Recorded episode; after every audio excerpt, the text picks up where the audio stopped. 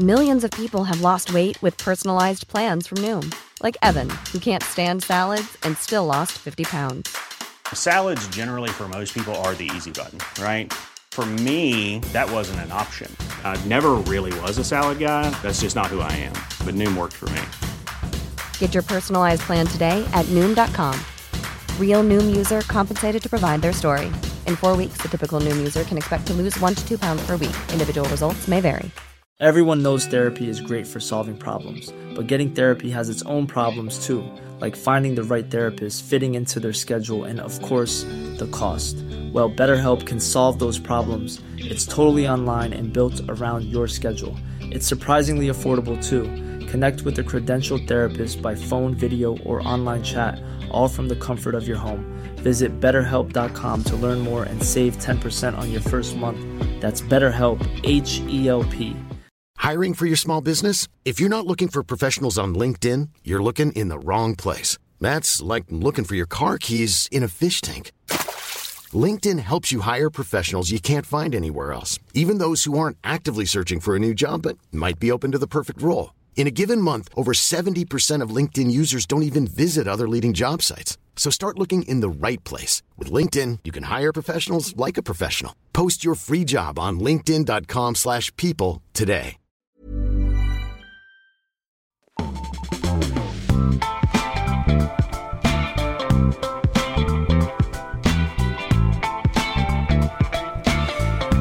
Måndag, ny vecka, nya tag och jag säger som SVTs meteorolog eh, Per-Erik Åberg. Vi går in i en ny vecka med nya väderutmaningar.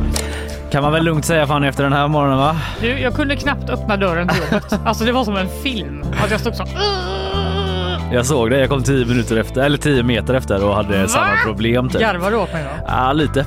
Sen satt jag och skrattade i halsgropen när jag själv knappt kom in i det När, blåsiga jag, när Göteborg. den smällde in igen i ansiktet på dig. Ja, eh, nya väderutmaningar sannerligen. Vi ska snacka om en herrans massa grejer. Idag jag om eh, KDs blixtinkallning av Alice Teodorescu Måwe, SVT-kändisen som nu blir eh, toppnamn för KD i EU-valet. Wow. Och så lite om Ulf Kristerssons eh, 60-årsfest också. Ja tack, vill gärna höra. Mm. Jag ska prata om eh, en hackerattack som har pågått i helgen och pågår även eh, fortsatt i denna stund. Va? Drabbade mig personligen. Drabbade dig personligen? Jag blev Det inte du- hackad, men jag kan berätta lite sen. Din dator där va? Det var hackad. Det är därför jag inte har något manus idag. Säkert Kalle. Når pengar. Ja just det. Ja. Allt kan man skylla på Jag har det. ingen identitet längre. Inget lägg. vad ska du mer prata om? Eh, de vanligaste namnen för barn 2023. Mm, Det är bara äntligen. något man måste prata om varje Man måste ta den. Det den är bara så. Men man vill ju veta. Man kastar sig över en sån artikel. Ja, Vi får ju gäst också, herregud. Ulf Rosvall, vår kollega, kommer hit. Han har skrivit om Kamelcentret i Angered. Mm. En idé som liksom hånades internationellt i medier som Breitbart och liknande, Trumps husorgan. Eh, och blev ett skämsprojekt som massa politiker här i stan inte vill kännas vid idag. Ouch. Men var det en sån himla dum idé från Mm. början? Ulf har gått igenom den här mycket spännande storyn som jag missat helt faktiskt ska jag erkänna. stockholmare. Ja, så är det. Bakvagn, vad har du där? Eh, jag måste följa upp eh, Fröken Snusk igen. Ja, Det bara fortsätter. Sjuka saker bara pågår. keeps on giving. Sen eh, kanske lite eh, om vår ÖB och hans företag. Ja, det Skolan. hoppas jag vi hinner med. Ja, Vi får se vad vi hinner. Jag har en eh, tjuv som grep sig själv. Tim Hoti Chalamet blir viral nu. Okej. Eh, och eh, norska ministrar som fuskat i skolan. Ni hör hur mycket det är. Vi får se vad vi eh, hinner plocka upp Mm. i bakvagnen. Gå in på vår Instagram där ute i nyhetsshowen. Alla ni som undrar vad bakvagnen betyder. ja just det. Där har Linnea gjort en liten Q&A ungefär. Den eh, var ändå väldigt uppskattad. Ja. Många som var så. Jag har inte vågat fråga. Känt sig dumma i onödan. Ja, men det kunde vi ju kanske tänkt Ja, på. Det var många som trodde att det hade att göra med spårvagnarna här i Göteborg. Att man Ja. liksom sitter på bakvagnen. Att det är extra kul här då eller? jag vet inte, längst bak i klassrummet typ. Ja just det. Där är det alltid kul. Mm. Eh, så är det i alla fall. Hur är läget Fanny? Eh, det är bra. Ändå. Ja. Jag var typ lite, när jag kom hit i morse bara, har ens gjort det här helgen? Nej. Jag har ingen men, aning. Men det var ju för att det inte gick att tänka för att det var korsdrag genom hjärnan typ. Ja, det det och faktiskt. regn. Det var bland det, det liksom det värsta på länge. Ska vi säga något till de som inte har gått ut än? Ja, Ta absolut inget paraply, det förstår ni väl ja. själva Nej, men om det ni bor inte. här. Det går absolut inte. Eh, det bästa rådet jag kan ge är keps och luva. Ja, luva på det för annars flyger ju kepsen. Eller Man måste hålla väg. den också med Ja. händerna. Men det hjälper ändå om man inte vill bli blöt.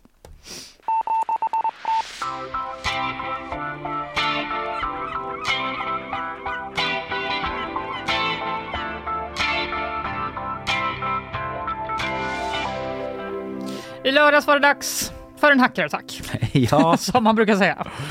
Eh, det är alltså IT-leverantören eh, Tieto Every som har utsatts för en ransomware-attack Mm. mot eh, sitt datacenter i Sverige. tack för att du uttalade det företagsnamnet. Jag har försökt läsa det några gånger i helgen. De bara, Du, Trevor. att jag gick in på Ekot och lyssnade på vad de sa. Det där är journalistik. Där gör du Jag, bara, jag vet inte om de har rätt, men det är så vi kommer säga det nu. Ja. Eh, en, alltså, ransomware det är ju helt enkelt någon så här utpressningsattack. Helt enkelt. Mm. Man kräver pengar för att låsa upp eh, informationen man har snott Ja. eller låst bara då. Eh, vi vet inte än eh, om det var en enkel eller dubbel. Det som kan ha hänt kan vara då att man har eh, Stjält? Stulit. Vad fan? Stulit kunddata. Ja. Och så säger man om ni inte ger oss pengar så kommer vi också publicera den på internet. Aha. Alltså antingen kan man bara då låsa, Låsa det, och säga ja. ge, ge oss pengar eller så kan man gå ett stjäla. steg till. Då är det en dubbel ransomware. Då är det en dubbel. Men en det avokadomacka och en dubbel ransomware låt- låter det som. man Dubbel espresso typ. Ja. en dubbel eh, attack. Det, jag ska säga det med en gång att det är ganska många saker som är lite oklart än. Ja. Har upptäckt en spaning då innan jag berättar den här nyheten. Det är att det är många killar som har gissat olika saker Jaha. som inte är bekräftade än. Är det liksom Många killar? experter. Ja, de är ändå experter. De är ändå experter, men de gissar ändå ganska mycket, är min eh, tolkning av det här. Ja. Men vilka har drabbats då? Jo, det är eh, olika företag och eh, även kommuner och regioner. Mm. Offentlig sektor. Eh, bland annat eh, Filmstaden då. Det var ju det här jag fick erfara. Ja, där eh, kunde man inte, hela försäljningssystemet låg nere och man kunde inte köpa varken biobiljett eller snacks. Nej, inte ens på plats under lördagen. Nej, precis. De verkar ha löst det här mot kvällen. Men berätta gärna om vad Det- du var, var med om. Jag skulle, min son skulle gå på bio med sin morfar på lördagen och kunde inte göra det för det gick inte att boka. Men sen gjorde vi liksom som jag antar att man gjorde förr på söndagen att vi bara chansade och åkte ner till biopalatset Mm. och köpte på plats och då kunde man swisha, då var man tvungen att så skriva typ ett särskilt nummer för den biografen. Jag, Mm. jag liksom fro, började fråga henne lite grann för det var så knäppt att hon liksom var tvungen att skriva med papper och penna då. Hon satt och bockade så här hur många som gick på varje film analogt liksom. herregud. Och så skulle man skriva ett särskilt meddelande för den, en kod för vilken biograf man var på i swishen för man kunde bara swisha för biljetter. För då skulle någon sitta eh, efterhand då föra in alla Åh, pengar från varje enskild biograf så de kunde se så bara, aha, där var det de som gick på Bamse på biopalatset och så vidare. Träffade även ett eh, fan till nyhetsshowen, bara en liten parentes, som var så gud jag lyssnar varje dag, blir man alltid glad. Nej. Gick sen på toa innan bio och ser vad, vad, vad har jag i pannan då? Nej men då hade jag en intorkad snorkråka i pannan. Från min son vill jag ändå, men att jag ändå hade haft den under hela det här mötet så jag tyckte det var så trevligt. Ditt fan bara... du är toppen men jag kan inte prata med. Believe att jag typ lyssnat på den här killen. Om du hör det här, vilket du borde göra då, så ber vi om ursäkt. Hoppas Så ska det inte gå till. det men Ja, nu har ju du avslöjat det. Mm. Skitsamma, Filmstaden drabbades även Rusta och granngården. Eh, Rustas eh, e-handel eh, funkar inte och granngården fick alltså stänga alla sina butiker i Sverige, vilket är flera hundra. ja, inte drabbad. Jag brukar inte rusta att- upp min gård så mycket tyvärr. Nej, att jag också var så här, vad är det? Men Ja. ja, det är väl exakt vad det Det låter som. stadsråttor. Mm. Ja, eh, även Systembolaget och Stadium ska ha drabbats. Men alltså Oj. inte då bara företag utan eh, igår kom också information om att offentlig sektor ska drabbas på olika sätt. Men enligt rapport är det lite oklart exakt hur många kommuner och regioner och vad, alltså på vilket sätt Ja. de har drabbats då. Det vi vet är i alla fall att Vellinge kommun i Skåne, de har åkt på det så att säga. Mm. De- Detta genom att alla deras e-tjänster på vellinge.se ligger nere sedan lördags och enligt deras IT-chef eh, Thomas Jarbo så är det flera kommuner i Skåne som också tycks vara påverkade. Men jag vet inte med säkerhet hur många det är eller exakt vilka det är. Det florerar väldigt mycket information, säger Mm. han till Svenska Dagbladet. Det är också helg va? Så Ja. det kan ju vara lite den, att de bara alla får komma in och försöka ta reda på det här, vad just som har det. hänt, så att man inte Jaha. riktigt vet. Vi tar det på måndag, Ja. sa de kanske är inte det ändå. så viktigt? Men det är också med de Ja, här små kommunerna kanske inte har liksom ett sånt IT-team på typ 20 personer. Det känns som det skulle kunna vara Thomas Ja, själv. som jobbar själv med det. Och sitter och bara, helvete, Jag startat om datorn där igen så vi får se. nu kanske det är bort. Jag blundade jättelänge och sen hoppades jag att det var klart. Men det var det inte. Nej, han är säkert jättebra på sitt jobb. Det är, Ja. inte, det. Det är inte det vi säger. Men man har inte oändliga IT-resurser för säkerhet Nej, på små exakt. kommuner, det är väl det vi försöker säga. Det är det vi försöker säga. Mm. Eh, igår kväll så skickade också Region eh, Uppsala ut ett pressmeddelande om att även de är drabbade då av den här attacken. Och det ska gälla både vård och ekonomisystem i eh, deras region. Eh, de tvingas i viss omfattning att använda reservrutiner och manuell hantering inom sjukvården, säger hälso och sjukvårdsdirektör Mikael Köhler i Region Uppsala Mm. till P4. Fatta vad mycket mer jobb det blir sen när man ska föra in det här eh, manuella, analoga Alltså, du i har ju ett live-exempel från Filmsalen. Tänk att du är på ett sjukhus Ja. där folk ska få mediciner och eh, Och redan är ganska pressad i tjänsten. Exakt. Mm. Han säger dock att det inte finns någon omedelbar risk för patienter på grund av utstörningen. Men att man också förbereder sig för att kunna gå upp i stabsläge Mm, ifall det fall. just det. Eh, och i DN läser jag att eh, säkerhetsexperten då, eh, Carl Emil Nicka, han tror att den här hackerattacken kan vara mer omfattande än väntat för att eh, han har upptäckt att eh, HR-systemet Primula ligger nere. Och det systemet används av högskolor och uppemot 40 myndigheter. Mhm. Personalsystem, eller vad sa du att det var? HR-system. HR-system, ja. Mm, eh, men han säger också att man inte vet då, det är det här jag menar med att han Ja. gissar, att man vet inte om de har stängt ner det med flit. Alltså i preventivt syfte. Jaha, att universiteten själva Ja. ja. shut it down! De Exakt. springer, kastar sig mot en kontakt så, rycker ut det. Ja. Eh, eller om de har blivit hackare, helt Ja. enkelt. Man undrar ju såklart, vem är det som hackat alla de här? Men Ja. det vet vi inte gissar jag. Vi vet inte det. Då hade vi du vet inte- kanske öppnat med det. Exakt. Nej men vi vet inte. Det, det man undrar nu är ju så här. När ska det lösa sig? Ja. När ska man kunna gå på bio? Mm. Åka till Rusta?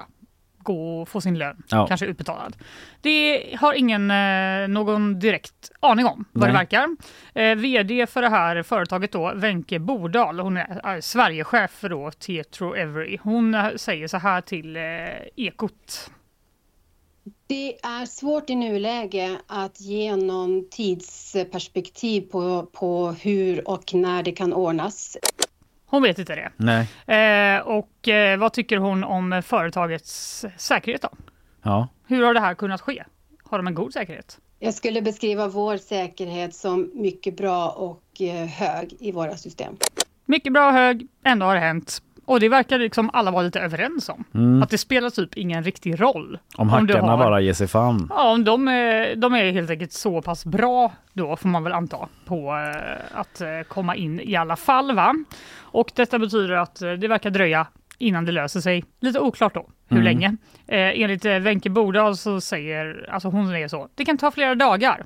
Men eh, när media har ringt runt till olika killar som är IT-experter, Mm. då är det mycket så. Det kan ta veckor! Jaha. Och det vet de fast de inte vet eh, vem som har gjort det eller vad de har för motiv. Eller vad det är för attack då. Eller vad det är för Ja. attack. Men de Till kanske exempel. liksom lutar sig mot tidigare fall av ransomware-attacker då. Fast Ja. det är ändå, ja, vi Det- vet inte. Nej, eh, jag kan säga till exempel att IT-experten Anders Nilsson då på säkerhetsföretaget eh, S1 Nordic säger till TT då att det kan ta veckor och han beskriver attacken som en citat utpressningsgrej där man krypterar allting. Mhm. Eh, och säger själv då, fast vi vet ju inte motiv eller vem som har gjort det. Nej, Vi kan ju gissa att motivet är pengar.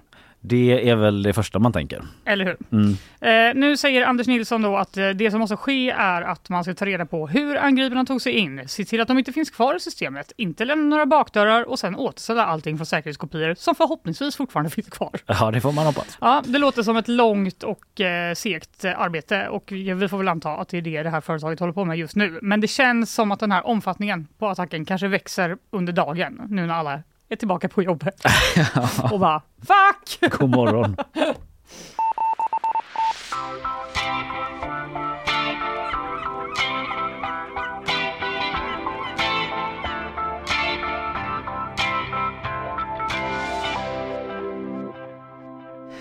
Hål i huvudet Fanny! Eller hål i hatten som vi säger här på showen. Här.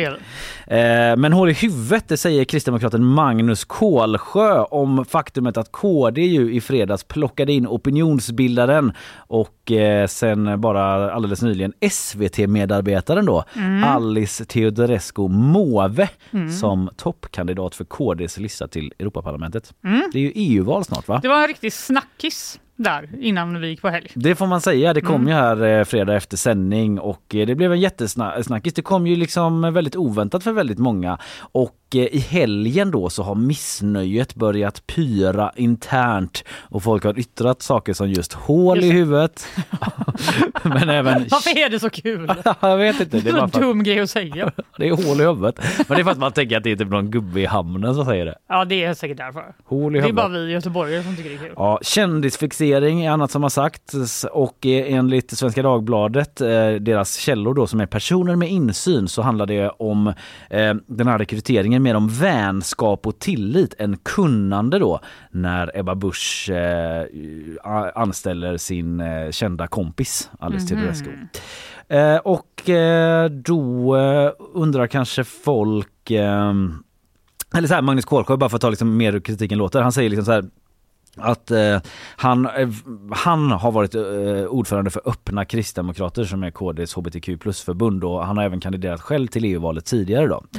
Eh, och han säger att han inte kommer att kampanja för en moderat opinionsbildare till Bryssel.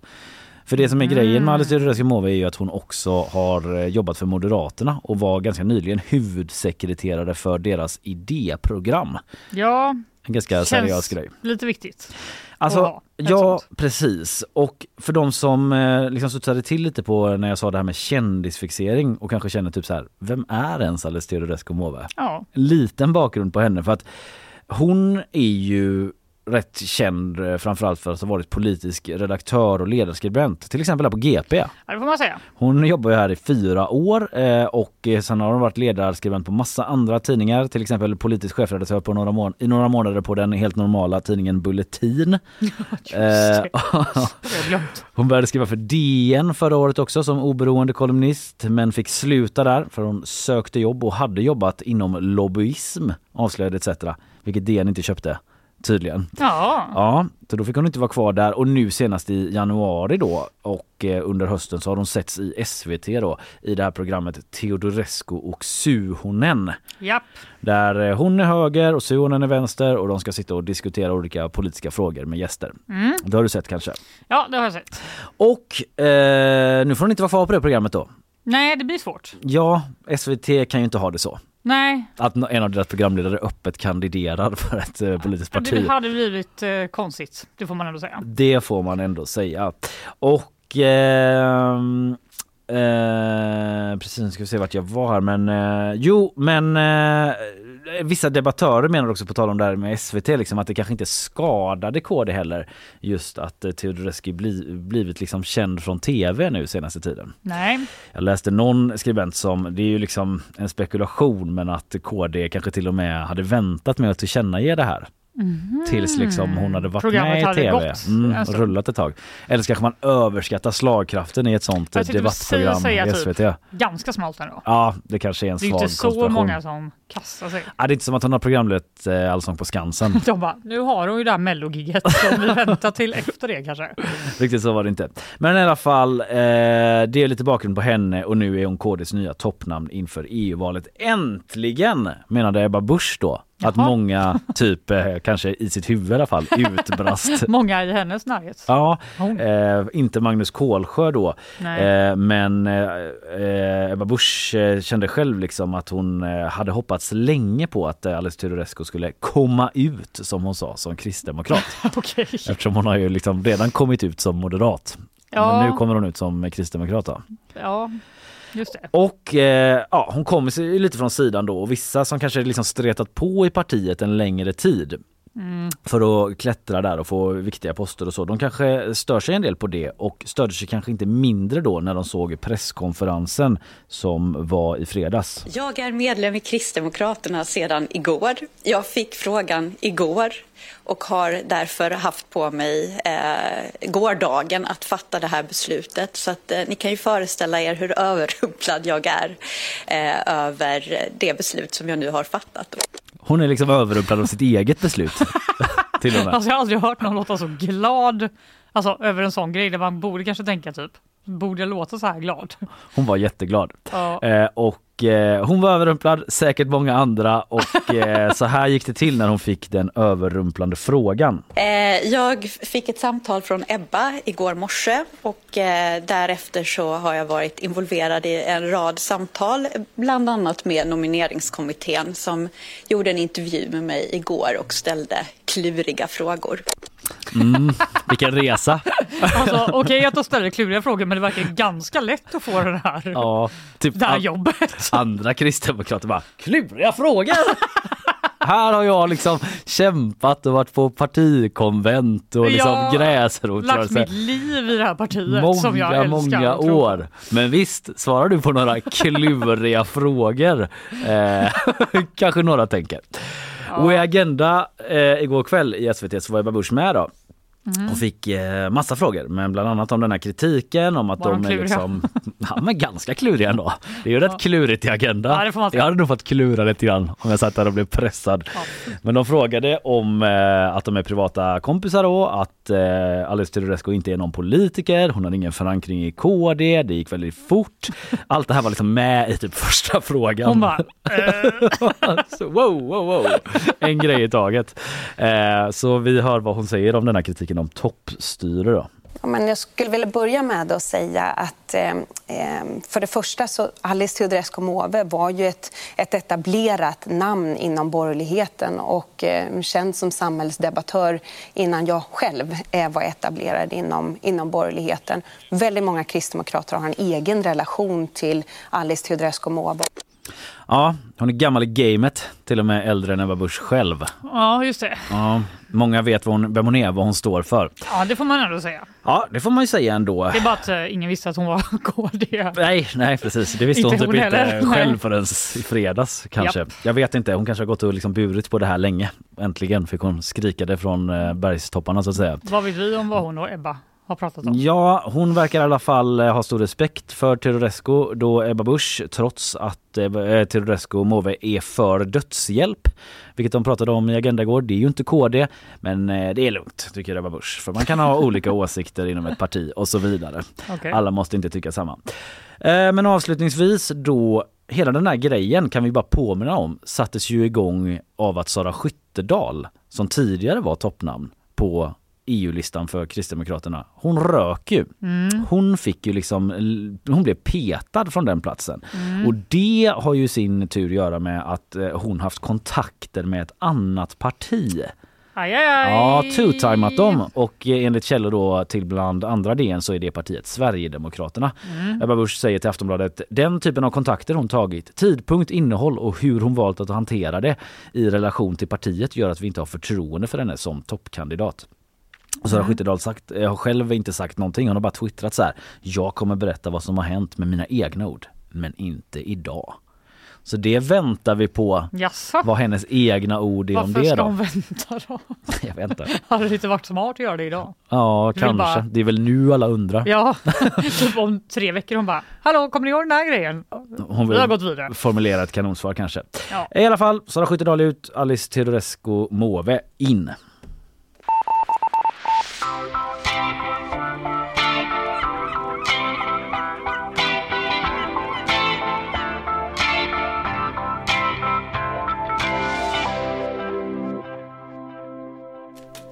God morgon Isabella Persson som gör sig eh, redo God här morgon. bland sladdar, mikrofoner och höga stolar. Hur står det till? Det är bra. Mm. Hur är det själva? Jo då, det är bra. Härligt. Eh, jag ska inte hålla lyssnarna på sträckbänken. Jag vet att de vill ha ett nyhetssvep vid det här laget och det ska ni få också. Varsågod Isabella. Ovädret fortsätter hänga över Göteborg där regn och starka vindbyar som till och med kan nå stormnivå väntas idag. Räddningstjänsten har tidigt här under morgonen larmats ut i flera översvämningar i regionen och halka påverkar i trafiken. Västtrafik har fått ställa in flera linjer här under dagen och det är också mycket förseningar i kollektivtrafiken. En man i 40-årsåldern har gripits misstänkt för ett mordförsök som ska ha inträffat igår eftermiddag på norra Hisingen. Polisen larmades till platsen och fann där två skadade, en man i 50-årsåldern och en kvinna i 40-årsåldern. Mannen fick föras till sjukhus efter att ha stickskadats i benet men skadeläget ska vara stabilt. Kvinnan hade fått skärskador på halsen men behövde inte föras till sjukhus. Florida-guvernören Ron DeSantis hoppar av kampen om att bli USAs president. Det beskedet kom sent igår kväll svensk tid. Och nu ger han sitt stöd till den redan stora favoriten Donald Trump. Den enda utmanaren kvar nu är Nikki Haley vars anhängare jublade när DeSantis hoppade av. Men Haley har redan ett mindre stöd än Trump och det är troligt att DeSantis väljare efter avhoppet nu kommer stödja den tidigare presidenten. Sverige är klart för semifinal i handbolls-EM. Vinsten mot Portugal igår gav Sverige väldigt goda chanser att nå semifinal och senare under kvällen fick vi hjälp av Danmark som med sin vinst mot Norge tog första platsen i gruppen men säkerställde också Sveriges andra plats vilket alltså innebär en semifinalplats. Detta trots att det fortfarande återstår en match kvar att spela i gruppspelet. Men vet man vilka Sverige får möta i semifinalen? nu? Nej, det är väl ganska troligt att det blir Frankrike. Ja, Jag tror inte Frankrike har säkerställt det, eh, sin plats i semifinal. Men eh, men då är det kört. nej, nej. Sverige alltid förlorar mot Frankrike. Nej, jag vet inte, jag har inte sett det, det gruppspelsträdet så mycket. De Men- vann väl i och för sig hela turneringen nu alldeles nyss. Ja, eh, Frankrike eller eh, I Sverige? Ja, Ja. förra mästerskapet. Jag är så dåligt uppdaterad på handbollen. Och Ron DeSantis är ute ur gamet i USA. Ja, ja, vad tråkigt. Ja, det var tråkigt för Alltså honom. det, var en, det har ändå varit så. Han var ju hyllad i början. Så. I början, Många ja. målade upp honom som en stor kandidat. Det är för att alla media och alla vill ju liksom ha någon som utmanar. Det blir för Kvällen. tråkigt annars. Mm. Men eh, Trump kör ju över dem vad det verkar. Det verkar så. Mm. Undrar hur mycket pengar han brände. Ja, svir mycket. Ja. Jag hörde, mm, vad heter han nu igen? Eh, Roger Wilson, Ja. eh, Sveriges Radios korrespondent som pratade om att han hade haft liksom en ohyggligt massa människor i Iowa som var där och knackade dörr då. Att han hade Mm. liksom satsat skitmycket på Mm. det. Och så fick han ändå ja, 20% av rösterna och sånt där. Eh, han blev ju näst eh, bäst efter Trump men Mm. han hade kanske velat Lite till. se lite mer. Det var väl en av hans eh, förklaringar till att han hoppade av också. Att så här, jag kan inte dra in så mycket pengar. Alltså Nej, du vet nej. så, ni kan inte stödja mig så mycket när jag inte ser en chans att jag ska kunna Nej, vinna. men jag tror att de där donatörerna också gick till Nikki Haley lite mer då för att Mm. de trodde typ att men hon kanske har vind i seglen. Och nu är det typ som att alla bara backar Trump och kanske för att de vill ha en plats i regeringen sen då. Just det. Det vet jag ingenting ett, om. Ett gött jobb. Men kanske ändå. Mm. Tack Isabella! Tack!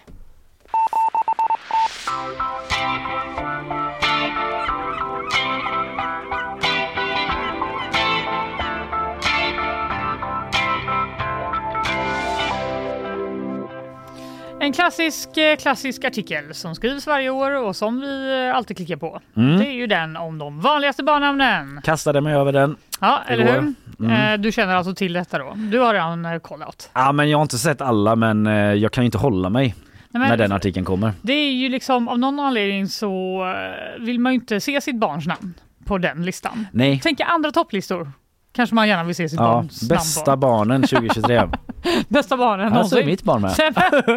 Vad sjukt! Hade Här det på mitt barn känn med. men Ja, exakt. kul att få det svart på vitt. Eh, men på namnen så är det som att man så här, man vill ju att ens barn ska ha. Ett lite unikt namn, men inte för unikt. Nej exakt. inte så, riktigt sjukt namn. Nej. Men typ helst inte vara med där. Nej, Åtminstone. det är ju den balansen man håller hela tiden. Man andas ju ut då när ens Exakt. när barns namn inte är med på topp 10-listan. Exakt. Alltså, uff. En Han har ändå av, eh, hört många på lekplatsen som heter Ja, samma. Många i Majorna. Ja, Men det betyder inte något nej, i den precis. stora världen. Det är ju en nationell lista detta. Det är ju det. Eh, en av eh, många svårigheter som förälder det här. Navigera. Vad ska man döpa sitt barn till? Ja.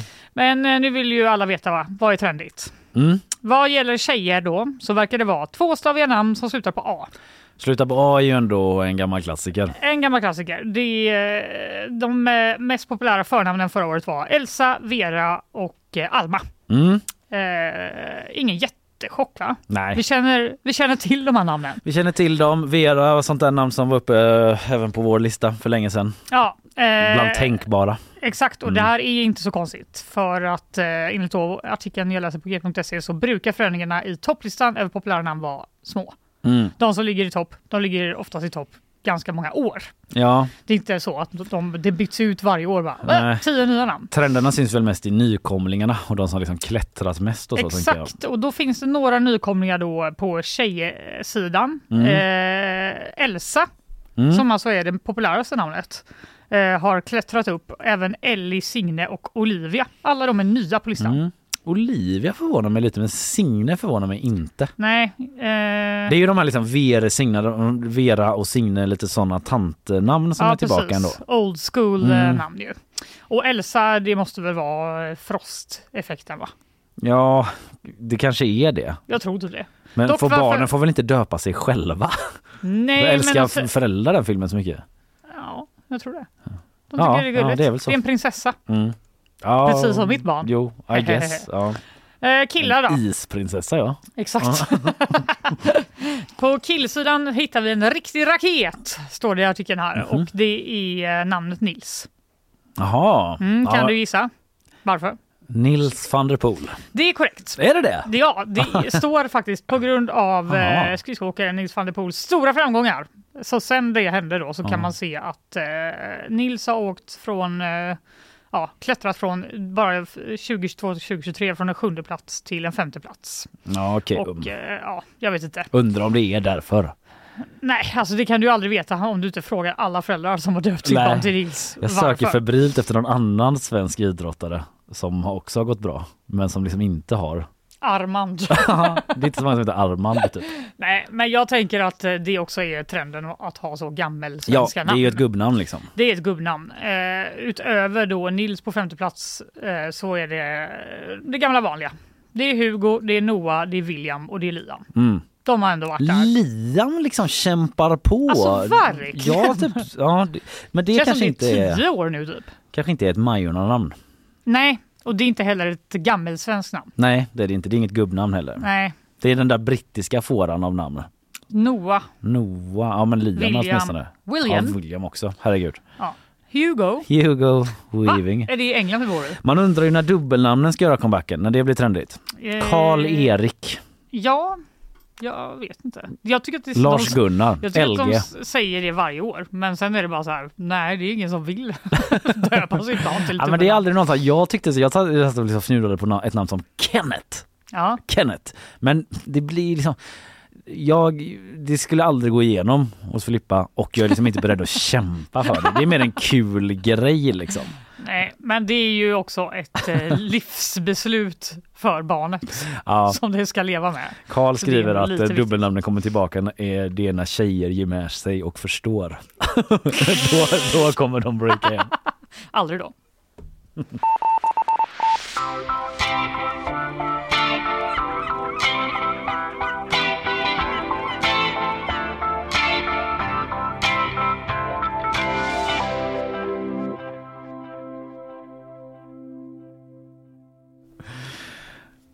Ja, vi börjar direkt, Ja, direkt prata. jag vet inte om jag fick säga för Karl. Ja, att han ville ju själv, eh, han, ville, han kämpade ju för LG, Lars-Gunnar. Ja, Men eh, hade blivit en, eh, en king. Ja. LG. Efter, Men det blev nej. Efter Det LG blev. Karlstrand, den gamla fotbollsspelaren, bland annat. Då. Mm. Eh, vi ska snacka om statsministern. Ulf Kristersson, han fyllde ju 60 för ett tag sedan. UG. Mm. Det är ju för sig inte... Ja, skitsamma. men varför sa du UG? Jag tänkte först att han heter ju, att det var hans initialer, men han heter ju inte Kristersson. Det bara blev så. Ett gräv av mig. Alltså, Sluta gräva i mina talfel. 29 december var det ju. Klassiskt eh, sådär jobbig tid att fylla år. Ja, I mellandagarna. relaterar. Som fyller år första januari. Ja, du gör ju det. Det är ännu jobbigare. Ja, det är Alla är bakis. Ja, varje födelsedag.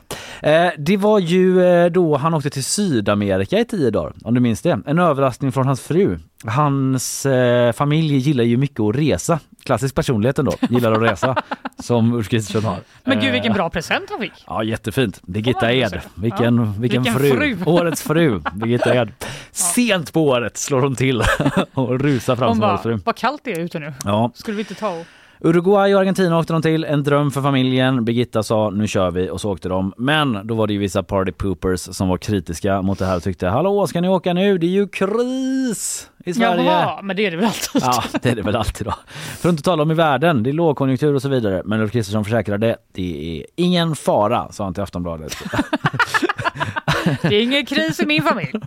Det är Det är, klart att det går att vara borta fysiskt i drygt en vecka utan att det är några problem, sa han till Aftonbladet. Och Birgitta Ed berättade att han hade med sig en sån kostymväska med en eh, jobbkostym om något skulle hända. Då var han redo för det ändå. Men det hände ju ingenting i världen på tio dagar, så det var lugnt. Eh, jag tänkte inte ens prata om det, utan det var bara en inledning, lite bakgrund till att han fyller 60, Ulf Kristersson, för det är ju snart en månad sedan den där resan då. Utan det jag ska prata om nu är ju att det är dags för hans 60-årskalas, 60-årsfesten. Woho! 60 är väl ändå eh, en av de större födelsedagarna. Det är det. Det, är, det får man väl ändå eh, Jag verkligen tänker säga. det är 40 och 60 Ja. och sen dör man. Varför känns 60 större än 50? Jag vet inte, men lite så känns det. Party-Uffe som Alex Schulman liksom försöker hamra in nu. Vi kan återkomma till det. Han har skrivit en, eh, en sur krönika. Party-Uffe. Ja, det känns som ingen annan har sagt det innan va? Jag tycker inte det ligger så bra. Den gamla Då tycker jag mitt påhittade UG. Som vi inte har. Ulf UG som bara är en kombination av Ulf Kristersson och eh, Karls namn som man inte fick döpa sitt barn till. LG, just det, det var så det var. Det var så det var. Eh, nej, men eh, han kämpar på med Party-Uffe eh, för att eh, Ulf Kristersson då på onsdag ska ha fest på Rosenbad dit inte mindre än 364 gäster är inbjudna. Det skrev massa medier om i helgen. Det är näringslivstoppar, kändisar och finanselit på listan och kändisen det är E-Type. Det Och- vet vi. Och sen är det Jonas Gardell. Sen är det typ inte några fler kändisar.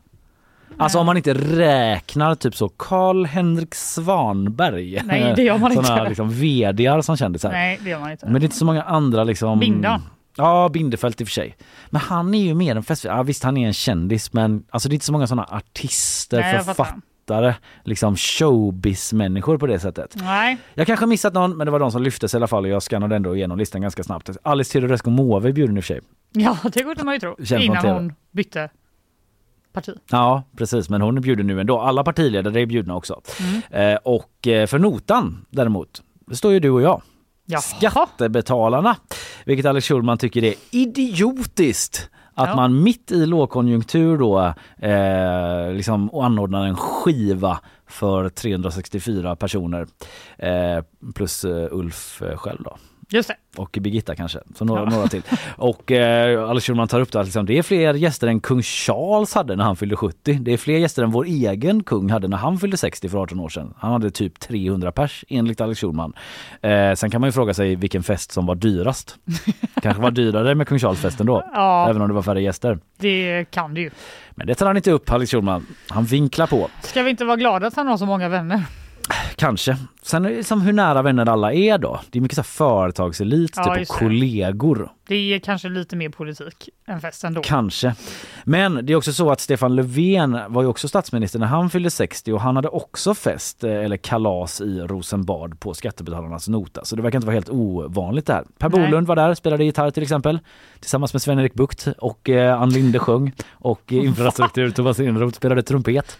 Mardröm. En av grejerna som hände på den här festen. Vet inte vad de sjöng ens men eh, i alla fall. We shall overcome. Kanske. Skitsamma, eh, Schulman köper det inte för han har googlat då. Han skriver att eh, han bara hittar när han googlar att det var ett litet tårtkalas ungefär. Och att det inte går att likställa. Ja, att det inte går att likställa tårtkalaset med en gigantisk fest på 364 personer. Men han Okej. publicerar liksom inte hur många som var på den här eh, Löfven-festen då. Eller han väljer ju att kalla det för tårtkalas och Ulf Ja. Kristerssons grej för fest. Och det är säkert tårta på Kristerssons, alltså om man bara ska vara lite eh, Ja, djävulens advokat. vi vet väl inte, antar jag. Nej vi vet inte, jag har inte jag försökte googla runt här. Jag har också googlat precis som Alex Två Schulman. skarpa journalister har At arbetat med det här. Ja, men jag hittar inte många gäster som var på Löfvens. I alla fall, det är på onsdag och och eh, Alex Schulman tycker alldeles oavsett att statsministern borde lägga band på sig då i dessa tuffa tider. Och han har ju faktiskt redan haft en fest. För i lördag så var det privat fest för Ulf Kristersson. Eh, det kunde Aftonbladet avslöja för de stod parkerade utanför Sagerska palatset då, statsministerbostaden, när gästerna började traska in. Och det var en privat fest då som sagt med privata medel. Så den hade Ulf stått för själv. Den kan man inte säga något om. Gäster där, Carl Bildt, Mikael Bindefeld igen och såklart E-Type. Och hans fru Varför ska han ens ha två fester då? Ja, jag vet inte om det är samma gäng som kommer. Även Johan Persson och Ebba Busch var på den festen. De bara, åh, måste vi ha två fester fullt den här veckan? Anders Borg, Dominika Peczynski var där, Gunnar Strömmer och så vidare. Det är liksom eh, ligan, den vanliga. Det bjöds på plockmat och dryck. Carl Bildt vägrade att eh, benämna det som en fest. Han sa till Aftonbladet att han inte ska på fest. Mm, jag ska på en mottagning, sa han. Och ville heller inte avslöja vad han hade för present. Det var noga för honom att det var en mottagning och inte en fest då. Anders Borg hade med sig en ljusstake som present. Eh, han var också uppsluppen enligt Aftonbladet. Okej. Alright, så eh, Party-Uffe ändå lite den här veckan. Men Ja. han fyller ändå 60. Ja, ja, alltså det var det. Ja, vi får se om eh, Alex Schulman liksom kämpar på med det öknamnet eller om alla har släppt det här om en eh, vecka ungefär.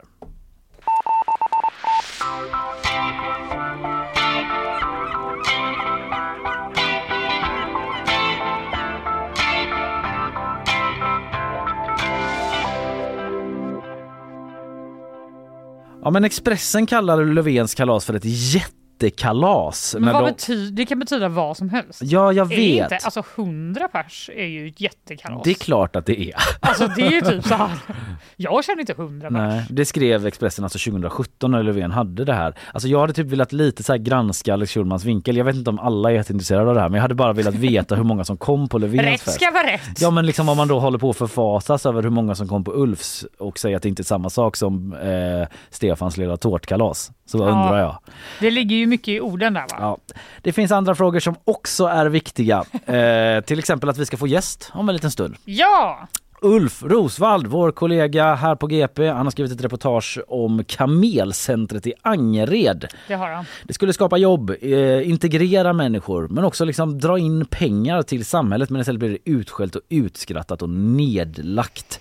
En story som Relate. politikerna idag inte vill kännas vid ens. Men var det så jävla dumt då, själva Mm. idén? Ulf har liksom djupdykt det här, i det här och kommit ut med ett eh, riktigt bra reportage som går att läsa på gp.se. Vi ska snacka med honom om det eh, om en liten stund.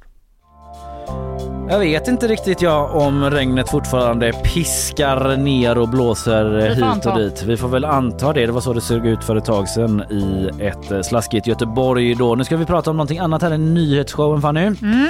Aldrig har väl Göteborgs namn spridits så snabbt över världen som 2017 läser jag från ett reportage i GP som gick i hällen men dessvärre så spreds det inte över världen kanske på ett jättesmickrande sätt då så som det framställdes.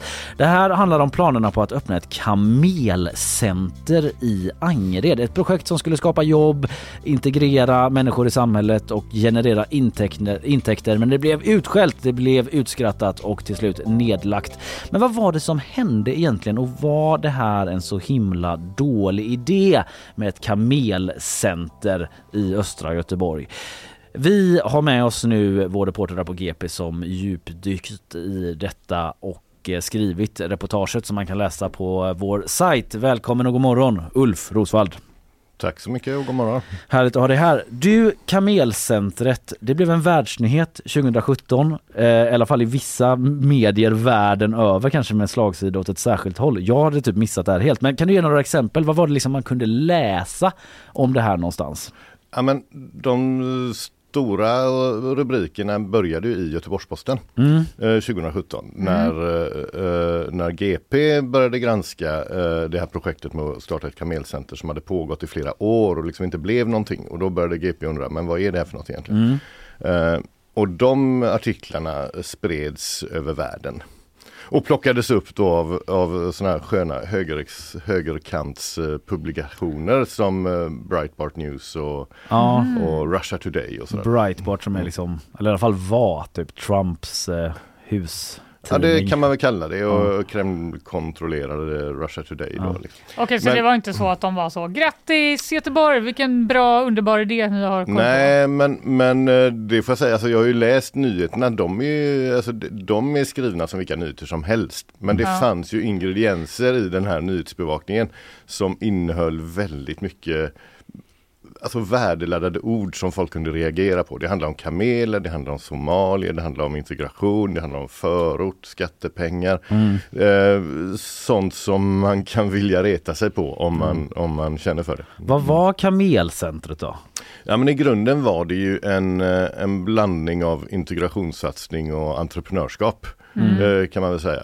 Eh, Man ville, man ville helt enkelt bygga en gård med kameler i Angered. Mm. Och det skulle vara eh, dels ett besökscentrum där man kunde åka dit med sina barn och rida på kameler. Mm. Eh, Och dels eh, skulle det samtidigt vara ett sätt att få in till exempel somalier på arbetsmarknaden. En grupp människor som kanske har svårt att komma in på arbetsmarknaden men som kommer från ett land eh, där kameler är jättevanligt och det är många människor är vana vid att ta hand om kameler. Mm. Då var det väl en tänkt win-win situation.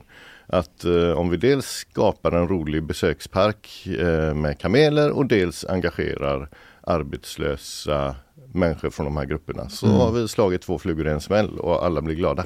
Mm. Det var ju den goda utsikten. Liksom. Men var det någon eh, gubbe eller tant på kommunen som kom på eh, det här liksom? Eller vart kom Nej men idén alltså det var en, eh, man kan väl säga att det var en, ett gräsrotsprojekt liksom med entusiaster som, eh, som ville starta detta och då fanns det ja, det fanns en utvecklingssatsning på den tiden som hette Utveckling Nordost som egentligen inte hade jättemycket med Kamelcentret att göra men det, de hade en sån här företagsinkubator där man kan komma med sin företagsidé eh, och få lite hjälp och få den att flyga liksom. Mm. Och dit sökte sig de här personerna för att få hjälp att starta detta. Och det var väl en ganska fiffig idé liksom. Eh, Det var ju därför de fick visst stöd av, av regionen, eh, lite av kommunen och eh, av Arbetsförmedlingen för att folk tyckte ändå att "Ja, men det här låter inte så himla dumt, vi kan testa detta. Nej. Men det är ju ändå lite svårsålt med just kamel. Alltså det känns som att det är lite svårare att dra igång än Det- om det de hade säger sagt du. Fanny. ja, men, typ att de hade ju kunnat vara så. Vi ska ha hästar. Ja. något. Va, Nej, men- Det var ändå någonting som gjorde att de tänkte det här är görbart och bra. Får man ju anta då. Ja, ja, de tänkte ju det. Men alltså, så här är det ju då. Alltså, jag, har ju, jag har ju grottat lite i detta. Och, Mm. alltså, det blev så här var det, det blev väldigt mycket skriverier. Eh, GP skrev om detta, ifrågasatte projektet och det här fick ringa på vattnet. Det blev debatt i, i liksom kommunfullmäktige och folk blev upprörda och sa vad är detta? Vem har egentligen gett bidrag, gett bidrag till, till de här stollerierna? Men vad var Eh, det, eller vad var det man tyckte var så stolligt liksom i det, det läget var att man väl var att inte, ja men det var väl två saker. Dels Ja. att det inte hade hänt något. De hade hållit Ah. på med det här projektet på ganska liksom med styrfart, med sakta. Ah, eh, okej, på det går för långsamt, Det typ, går för långsamt, det händer Ah. ingenting. Och sen var det väl allt det här liksom, vad är det för, alltså att man tyckte att det var lite, lite larvigt och lite Mm. löjligt nästan då att satsa på detta. Det fanns ju, ja, dels kanske det var lite konstigt med kameler i Angered. Ja. Det låter ju lite roligt. Ju Det det- så ju det, ovanligt ja. i Göteborg. Ovanligt. Och dels så fanns det väl så här, alltså det, det fanns väl någon form av så här rasismkoppling så här, åh de här stackars somalierna, de får inga jobb. Hur ska vi kunna ge dem jobb? Ja, vi måste ta hit kameler, det är Mm. det de duger till. Mm. De, eller så här, de.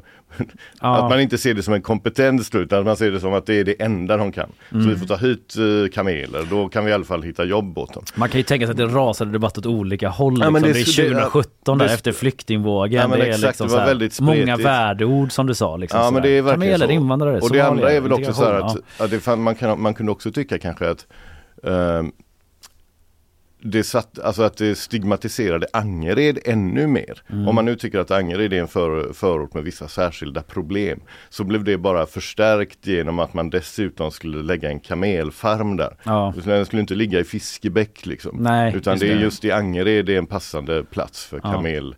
Det blir ännu mindre Det blir- integrerat med Ja, liksom på något, det ska integreras Göteborg, typ. men på Ja. något sätt så är hela projektet icke-integrerande. Då, så. Ja. Så Men, det eh, fanns, ja, så var det ju. De fick alltså pengar och så drog de igång projektet men sen händer det ingenting ändå. Nej, men så här, jag, jag resonerar ju lite om detta i det här reportaget och då är det ju så här att det finns ju kameler i Sverige. Det är inte så att det här var de första kamelerna på svensk mark. Nej. Utan du kan åka till Orust om du vill hälsa på kameler och rida på kameler. Där det finns en lantbrukare och entreprenör som har drivit det här i ganska många år. Mm. Kan du se dem gå och beta så kan du åka in och, och titta och klappa på dem om, om det är läge. Mm. På Öland finns en eh, lantbrukare och entreprenör som har haft kameler på sin gård i, sedan 90-talet. Mm. Som också är en sån här besöksgrej. Liksom. Åker du till Öland med ungarna så är det en grej du kan göra. Mm. Eh, men där finns ju en skillnad och det är ju att de var ju lantbrukare. De hade gård, de hade allting i ordning, de hade kossor eller nötdjur eller något annat. Eh, och så säger de att nu byter vi ut en del av de här eh, korna mot eh, fyra kameler. Mm. Allt var ju där. Det som fanns i Angered var liksom en vision, en idé. Där Mm. fanns ingen gård, det fanns ingen, ja de fick mark. Mm. De fick mark bak, eller de fick tilldelat sig mark bakom, ja, mellan Angered centrum och Lärjeån. Och det, det var vackert och det var nära centrum så där ville de vara. Men då krävdes ju också att, ja men ska vi få till en gård här? Mm. Ja, då måste vi först göra en geologisk undersökning för att se om det går att, om det går att, drick, om det går att bygga någonting. Mm. Och så måste vi rita en arkitektskiss och så Ja. måste vi koppla in byggare och så måste vi se om vi kanske kan bygga en gård. Alltså det var inte, de gjorde det inte lätt för sig. Nej. De, så de började på minus liksom. Hade de- så, de hade kunnat ha en gård. Så här, här finns en gård, vad ska vi göra med den? Mm. Ja, vi skickar in tre kameler, då hade de varit igång inom en månad. Hur? Men nu liksom det tog sån tid. Och de här andra som hade som liksom erfarenhet av kamel, de är ju ändå typ så lantbrukare då. Exakt, liksom, de är, de är både lantbrukare och lite så här entreprenörsgubbar som är fixare och doers. Mm. Och där är också intressant att de Många av de inblandade i det här kamelcentret, de kom från universitetsvärlden och var akademiker. Mhm. Och där kanske du sätter en ära i att göra saker grundligt eh, från början och noggrant. Mm. Eh, och saker får ta sin tid. Eh, och då är det okej att göra en geologisk undersökning av marken för att du kanske ska kunna rita något som kanske ska kunna byggas, som kanske ska kunna ta emot djur. Mm. Men om du samtidigt sitter och liksom har eh, folk som vill jobba eller bidragsgivare som vill se resultat från sina pengar, då blir det en väldigt tydlig clash där. Ja. Om ingenting händer. Så eh, jag tror att de hade behövt ha fler entreprenörer och eh, doers i den här organisationen. Och Mm. kanske en ekonom. Mm. Eh, och, och mm, för att få igång det här lite snabbare. Men alltså, ehm, det, man drog igång det här projektet, det hände inte så mycket, det går senare i liksom konkurs till Mm. och med. Vad var det som Ja men det som hände att var att det blev så infekterat den här Ja. debatten. Eh, GP skrev, andra tidningar skrev. Eh, och det blev ett väldigt högt tonläge. Och det som är intressant att se då att när det började blåsa och, och, och folk började ifrågasätta detta. Eh, Martin Wannholt som sen bildade Demokraterna, han var politisk vilde vid den här tiden och han, han liksom ifrågasatte verkligen detta starkt i Mm. kommunfullmäktige. Men då var det liksom ingen annan politiker eller tjänstemän som stod upp för Kamelcentret. Eh, Mm. Fast att de, har- alltså bidragen var ju beviljade och folk hade tyckt att det här var en kreativ rolig idé. Mm. Men det fanns liksom ingen, när det väl började blåsa var det ingen som orkade stötta det. Eh, och då när det började brinna så sa social resursnämnden som hade bidragit med 500 000 till den här kamelföreningen. Då sa de att äh, men om, vi, om, det inte, om det inte händer någonting då, drar vi, då kräver vi tillbaka vårt bidrag. Mm. Eh, och då hade ju Kamelcentret ändå använt kanske 200 000 eller 200-300 000 av det här bidraget Mhm. till allt de här Geologiska Ja men lite så. Och lite, de, de gjorde lite andra grejer. De köpte, importerade kamelmjölk och sålde och sådär. Men, Det gick de lite lite plus på. ja, jag tror de fick 10 000 Ja. men det var inte så. Ja. Ja. Ja, nej men då, då krävde de tillbaka det här bidraget eh, och sa nu får ni betala tillbaka. Eh, men då fanns ju inte de pengarna och då satte föreningen sig själv i konkurs. Mm. Och då, all den här uppmärksamheten gjorde ju också att eh, alltså strålkastarljuset blev ju satt på den här organisationen och personerna och då ledde det också till ett åtal. Mm. Eh, Och hur gick det där då? Ja men där dömdes två personer, eller tre personer dömdes Mm. för bokföringsbrott, villkorlig dom, för de hade inte haft alltså, ordentlig dubbel bokföring som man ska ha i ett företag. Och en av dem dömdes också till fängelse eh, för grovt bedrägeri, men det har inte enbart med Kamelföreningen att göra. Eh, Men, här- ja, den här personen var, representerade flera olika såna här eh, föreningar för olika invandrargrupper ute i Angered och hade fått eh, eh, bidrag från Arbetsförmedlingen för att anställa folk, långtidsarbetslösa. Och då funkar det så här att du får 40% av en lön från Arbetsförmedlingen och sen ska du själv lägga till 40 Men de hade ju inga pengar så de hade inga 40% att lägga till. Mhm. Och då, ja, Men så vissa som Och du då- pratar och- med, alltså, och- de var mer så här att de Vissa som du pratat med där att de liksom mer så missade, de var kanske inte så bra på typ eh, att hålla ihop Nej men jag tror det. Jag tror att det landade väldigt mycket på eh, liksom ett par axlar bara eller Mm. kanske två par. Och det, det De var tog för sig lite. det över var, huvudet, de typ. tog sig vatten över huvudet. De skulle behöva vara fler personer och Mm. mer, fler som hade insyn och fler som hade kompetens att driva det. Mm. Men min poäng här, är med, eller det som gjorde mig nyfiken på att skriva om reportaget är väl att flera år senare så ser man fortfarande det här ordet kamelfarm eller kamelcenter. Det kan folk slänga sig med lite grann Mm. sådär. Liksom. Och hur, Eh, på vilket sätt det är då? inte, det är liksom? inte, ja men då, då betyder det vi, vi ska inte satsa pengar på kamelfarmer och annat skit. Vi ska Ja. satsa på ordentlig integration eller Ja. bra idéer. Så.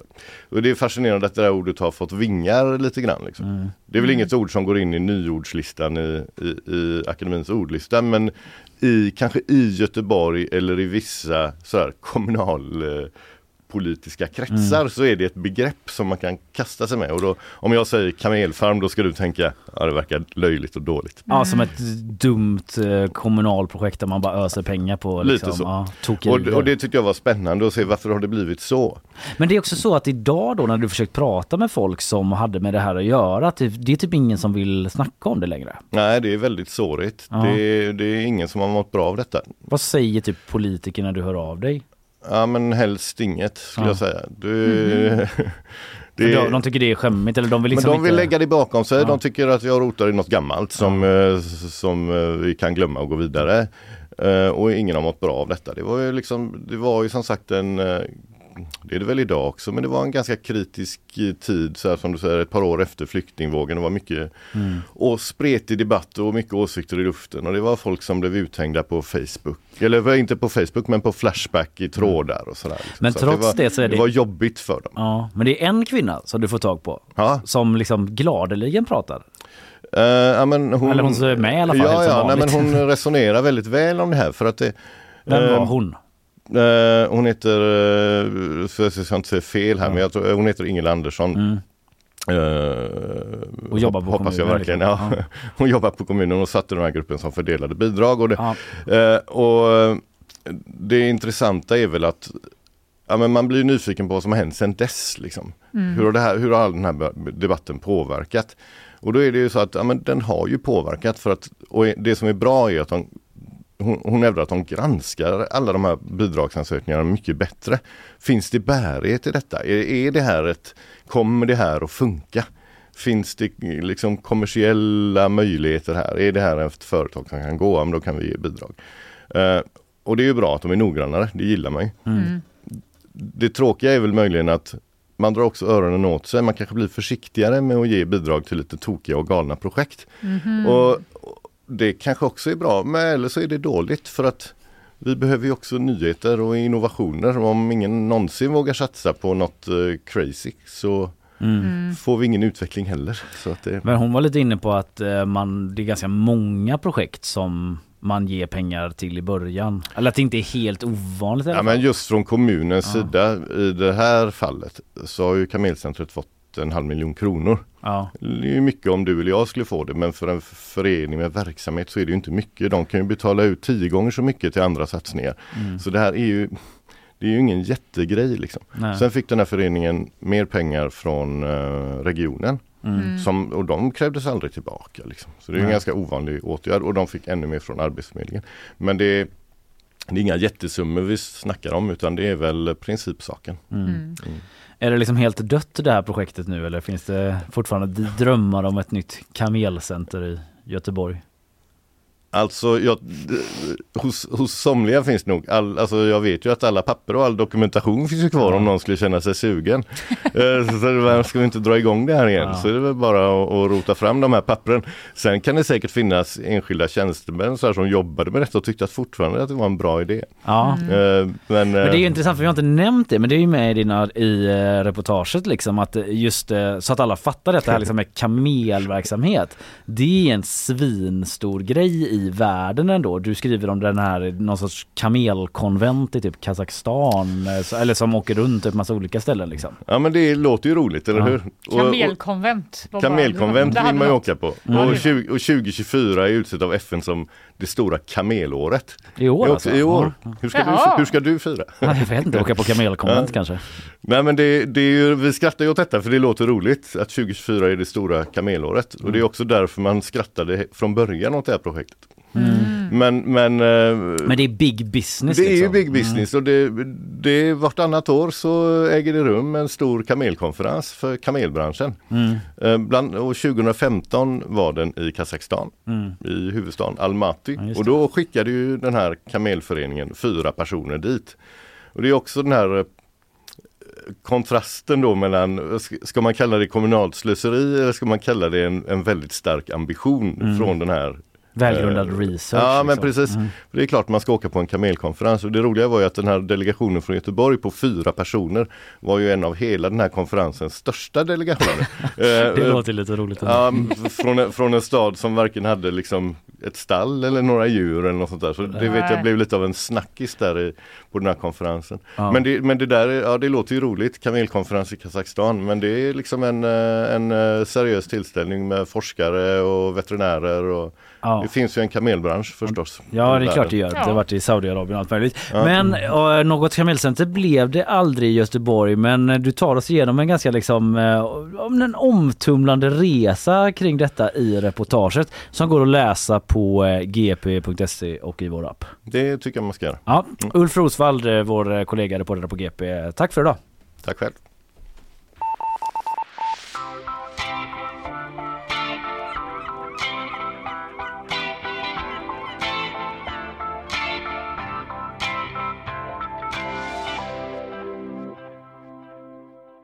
Ja, vi Hej då, står och, Ulf. hej då Ulf! Står och småpratar med Ulf här medan han går ut.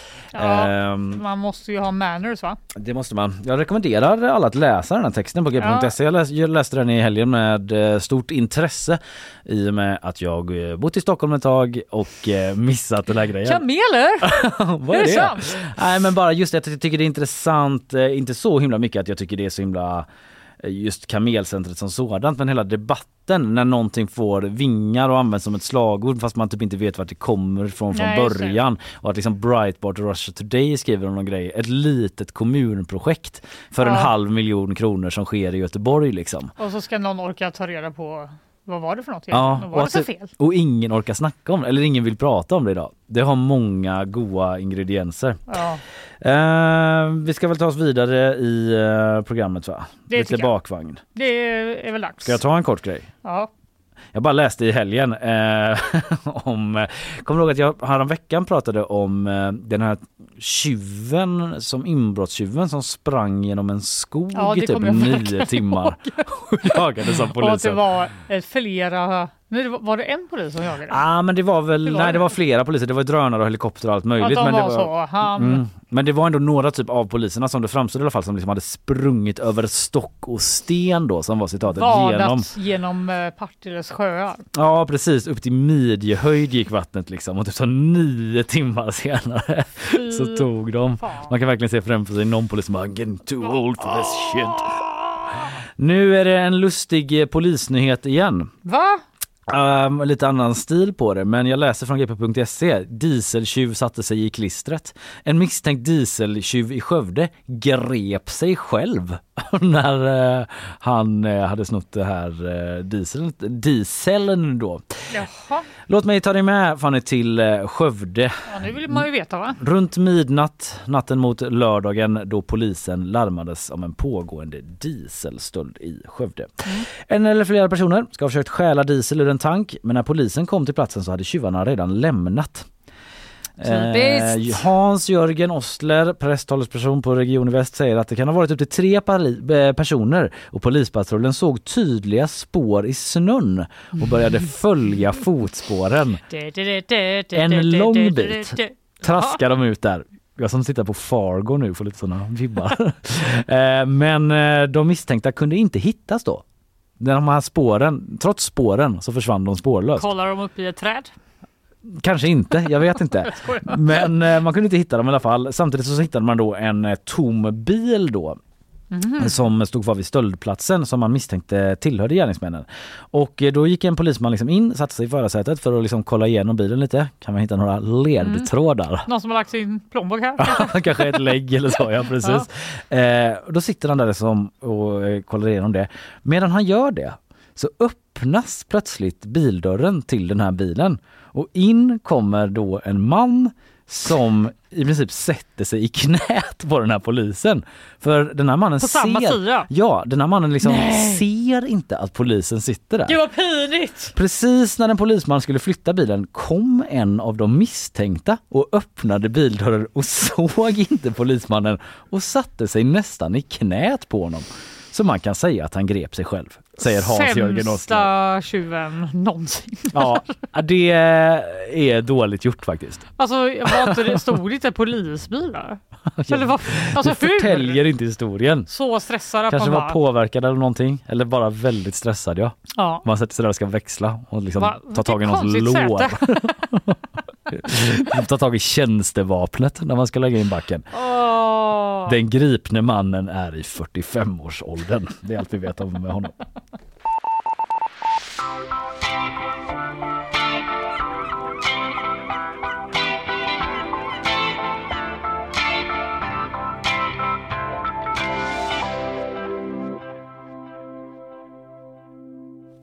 Ja. Disturbed här. Ja. Nej, jag ska besvara lyssnarna. Eh, Oskar Ek vaknade på fredagsmorgonen och fick en chock. Mhm. Och eh, vem är Oskar Ek? och varför är han chockad? Nu ska vi få höra. Eh, flera vänner hade hört av sig Alltså? till Oskar och sa att hans namn stod i tidningarna. Det vill man ju inte ska hända ändå. Ditt namn står i tidningen. Du har satt dig i knät på en snut. Nej, det var Nej. inte han, utan eh, han stod eh, som låtskrivare till Fröken Snusks låt eh, Dalahäst. Jaha. Helt plötsligt. Jag har ingenting med det här att göra, säger han till SVT. eh, Nej, det vill man inte anklagas för i första taget. nej, jag, tyck- jag tänker den. att man faktiskt inte vill det. Om man inte är en liksom, stor Ja, epadunks-entusiast. Man bara liksom. woho! Ja. Nej, men eh, alla har ju hört det här. Vi har pratat om det flera gånger och Ja. vi menar jag. och med flera gånger menar jag två gånger Ja. i det här programmet. Men eh, det var ju då eh, flera låtar togs bort av Fröken Snusk från Spotify. De misstänkte att de, det var manipulerade strömningar bakom. Mm. En av dem var då monsterhitten Ridning som en dalahäst som hon har gjort då med producent som heter Rasmus Gossi. Men eh, då i fredags dök den upp igen med nya titeln då bara Dalahäst Mm. och en ny eh, låtskrivare. Ensam låtskrivare. Oskar Ek. Han Okej. har ingen aning om varför. Han har ingen aning om varför. Nej, jag har ingen relation till de här människorna i dagsläget och jag har ingenting med den här musiken att göra. Jag blev jättechockad och jätteirriterad, säger han till SVT. Vad knäppt ändå. Ja, Det är en väldigt speciell historia. Han har också då försökt kontakta Fröken Snusk, Rasmus Gossi och eh, André Suniga som då var de riktiga låtskrivarna bakom den här låten. Ja. Men inte fått något svar på varför han står som upphovsman från någon av dem och nu funderar han på att polisanmäla dem. Mm. jag vill inte... Den Jag vill inte förknippas med det här! den här jävla skiten. Men han har ingen relation till dem typ just nu Exakt, eller något sånt där. det är ju inte så att de har blundat och pekat på någon i telefonkatalogen typ. Oskar Ek. Ett helt vanligt namn. När man tittade ut genom fönstret så var det typ så Oskar. och, och Oskar då, Ek. de såg ett träd bara. Oskar Ek kan vi ta. Eh, nej, men eh, för tio år sedan så umgicks eh, Oscar med Rasmus Gossi som ju Mhm. då är den här producenten och de har gjort musik ihop men den musiken har aldrig släppts enligt Oscar själv. Han säger också att han inte haft någon kontakt med Rasmus Gossi på flera år. Jag har absolut ingen aning om varför de har lagt till mig som låtskrivare. Och han säger också att eh, han inte vill då att hans namn ska associeras med de här personerna och den här musiken. Även om det skulle tillfalla honom vissa royalties gissar jag. Eller? Ja, det är om ju det som är lite oklart Mm. eh, med det här kan man säga. Det är också, han får också frågan av SVT, är du säker på att det är just du som ås- åsyftas? Kan det inte vara någon annan Oskar Ek? Ja. Och då säger han, alltså jag har ju ändå känt dem ja. och gjort musik Det hade varit med ett dem. konstigt sammanträffande. Ja, exakt. Och då hade SVT ringt till My Hellborg som är jurist specialiserad på musikbranschen och hon säger att eh, det är inte olagligt att påstå att någon annan är upphovsman till en låt. Va? Eh, Så länge de andra låtskrivarna går med på det. Okej. Vilket är as eh, Men vadå om någon skulle göra typ en eh, liksom nazistisk låt och bara Ja. låtskrivare, nazist, eh, Jag antar och att Kalle Berg. Man typ. kanske kan hitta något sätt att eh, Alltså det kanske är kränkning Ja. av dig på något sätt då. Om Det du skulle helt borde det plötsligt- vara. Ja. Eh, rimligtvis borde man informera tycker My Hellborg men det är inte olagligt som jag kan se det. Och eh, Spotify säger bara typ vi har inget att tillägga eh, kring det här. Men de har tagit bort även Dala häst från Spotify. Ja, Okej, den finns inte kvar heller. Den finns inte heller kvar. Eh, de har också sökt eh, alla de här eh, ursprungliga låtskrivarna Ja. utan att få något svar så vi vet inte riktigt varför men man kan väl helt enkelt tänka sig att de ville få upp låten igen. Så att de bara de tog hade ju om man sin gamla bro. lite lumskt lagd kunnat spela in massa låtar och liksom lägga till så här folk som medskapare till dem.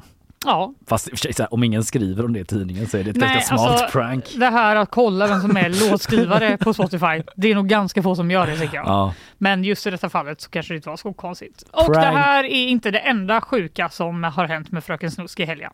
Nähä, Nej, okej. hon har också eh, blivit polisanmäld av Ljungby kommun i Småland. Mhm. Så de också som medskapare till De den bara- här låten. Ljungby kommun har skrivit låten Gynekologen.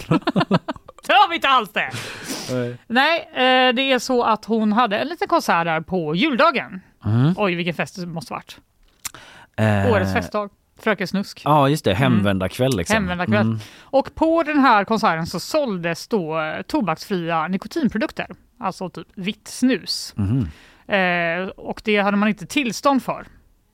Eh, hon har sålt det i sin fanshop, säger polisen. Ja. Och eh, då blev eh, kommunen helt enkelt så sura att de eh, polisanmälde Fröken Snusk för det. Det kan man ju gissa att det inte är okej riktigt. Nej, det kan man ju väl ändå gissa. Hette de Fröken Snus? Det sjuka är att de inte gjorde det. De gjorde utan att det. de hette det mycket sämre namnet Fröken Nikotin. Vilket är It's så right jävla... there. It's right there! Men alltså då- hur? De kanske har sån jätterolig dubbelironisk humor. Eller att så de är, är de jätteroliga. kassa. Att alla fattar att det borde heta Fröken Snus så heter det Fröken Nikotin. Ja, det är det som är antar det. skämtet liksom. Att det inte heter så. Förstår du vad jag menar? Ja, men, Men jag, jag, tror... ser att du inte skrattar ihjäl dig. För det första, jättetokigt skämt. För det andra, tror inte de är så raffinerade att de har bara, vi gör ett metaskämt som kanske ingen kommer förstå. Nej. Jag tror bara att det var, de kom inte på det helt uppenbara namnet. Men De är polisanmälda i alla fall. De är polisanmälda och eh, deras försök att få upp eh, som en dalahäst under namnet Dalahäst med en ny låtskrivare, det gick åt helvete också. Fortfarande inte på Spotify.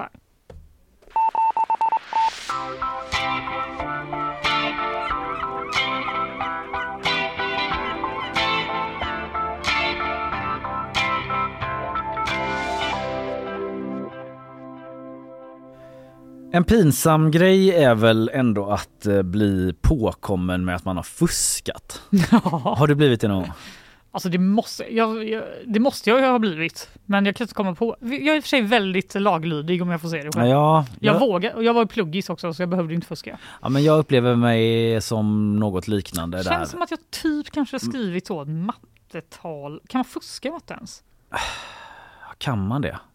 Jag blev typ nästan anklagad för att fuska av en lärare en gång för att jag hade så himla dåligt i matte i gymnasiet under grundkursen. Sen var det sånt slutprov och då typ skärpte jag mig och fick ganska bra. Och då kände jag att hon tittade på mig. Hon gav mig det och jag hade så VG. Hon bara, du vet så här, verkligen. Du väntade på att hon skulle säga på. så. Vad duktig du är Kalle. Ja, men hon gjorde aldrig det utan hon bara stirrade på mig så jag skulle så här break down och typ erkänna. Nej, Så kändes det. But I studied hard. I alla fall, några som drabbats. Det är två ministrar i Norge. Va? Ja, de har ertappats. Norges sjukvårdsminister Ingvild Kjerkols masteruppsats har flera passager som liknar andra akademiska texter, rapporterar norska VG.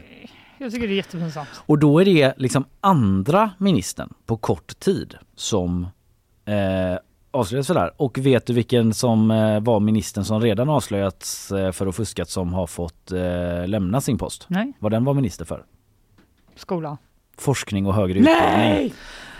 Jag dör! Det var väl den sämsta ministerposten man kunde ha om man nu har fuskat sig till den. Ja, det får man säga. Ja. Det är som det här med eh, knarket i riksdagen va? Om man nu ska göra lagarna. Som Ja, säger ja att man det, inte får precis. knarka. Som bekämpar knark. Så gör du det själv. Ja, så knarkar man In själv. Om det nu är politiker. Ja, Eller om det är någon eh, entreprenör. De försöker ju framea entreprenören. Den klassiska kokssnortaren.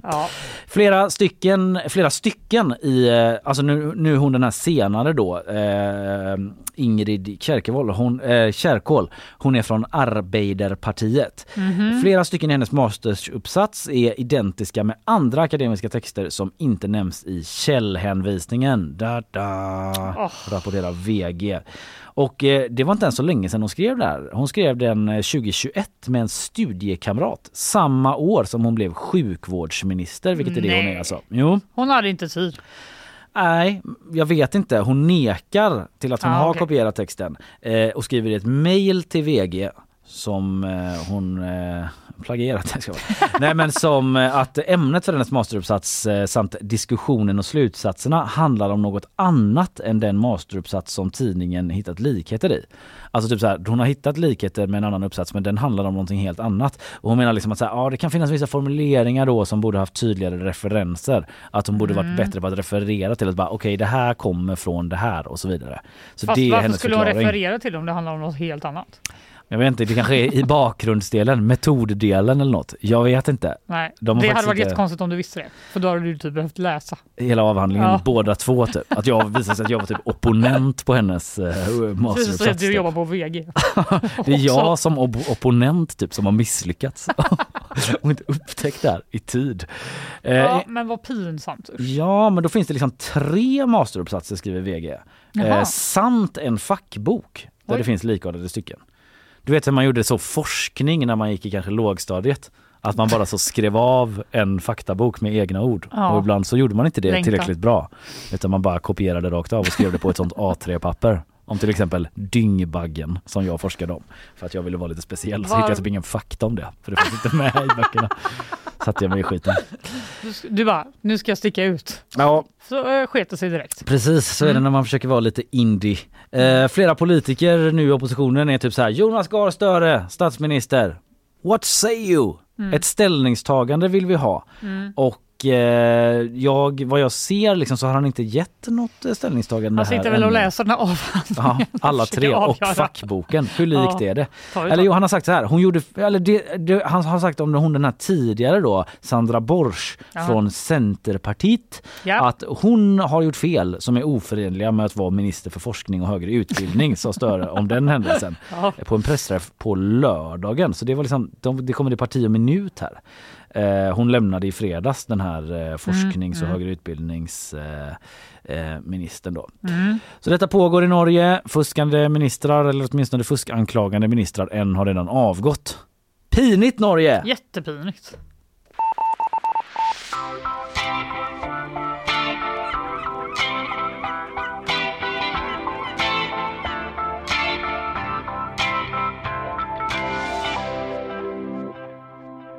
Du, på tal om fusk tänkte jag säga. Mm. Trafikverket vill mäta hastigheten mellan kameror.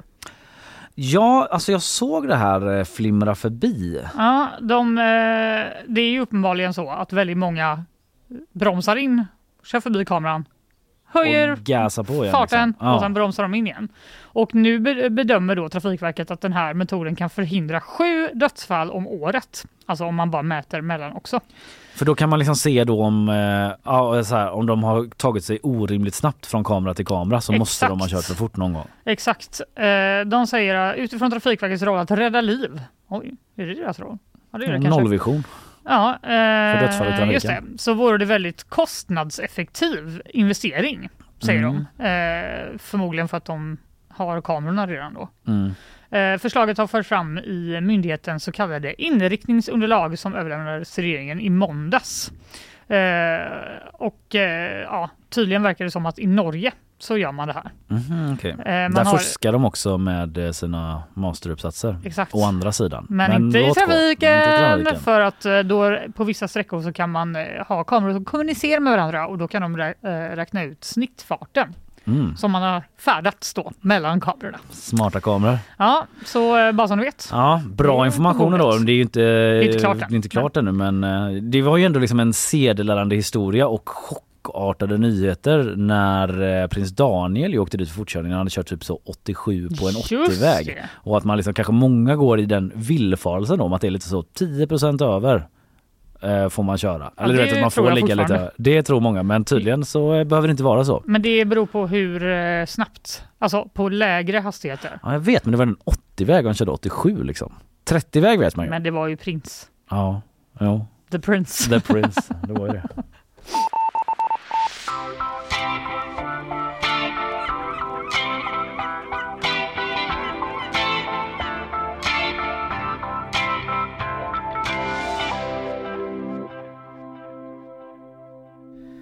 Du, jag nämnde det inledningsvis. Jag vet inte ifall du har eh, sett i sociala medier Timothy Chalamet Nej, det har jag absolut inte sett. eller Hot Hootie som han kallas. Va?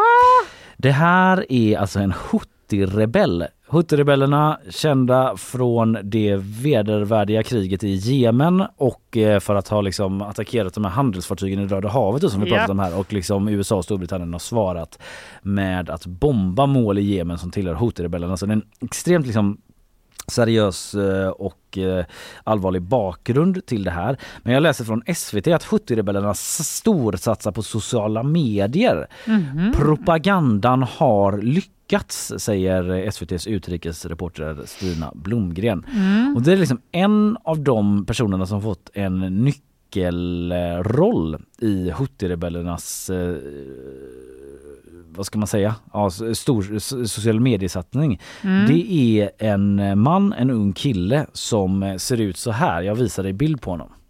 Mhm. Eh, han står i någon typ av liksom orange duffeljacka Mm. som är rätt snygg. Mm. På, eh, på någon båt och det Lite lockigt, mörkt hår. Ja och han är väl liksom lite lik eh, Timothy Chalamet då. Ja, alltså. Det var inte som att jag trodde att det var han. Nej det trodde man ju Men inte.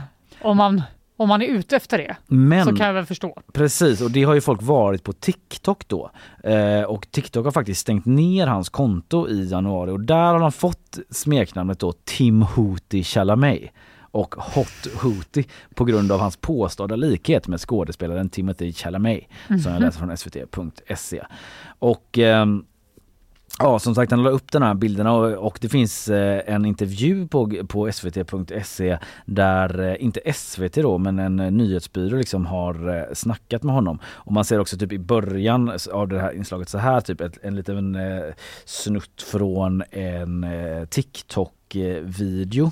Ska bara se till så att ljudet kommer från rätt grej här då. Men det är liksom en, eh, en tjej som är ganska uppsminkad som står med sin mamma och eh, f- frågar typ henne så här då. Mom, the people want to know what you think of the hot Houthi. I think he's a doll. I think he's a doll. Men gud! Ja, och det är väl folk som inte riktigt har kanske järnkoll på den humanitära katastrofen i Jemen. Typ, det får man och väl ändå anta. Det, får man, det är ändå väldigt magstarkt liksom. Eh, men det är också någonting med att varje kris måste ha en bay typ.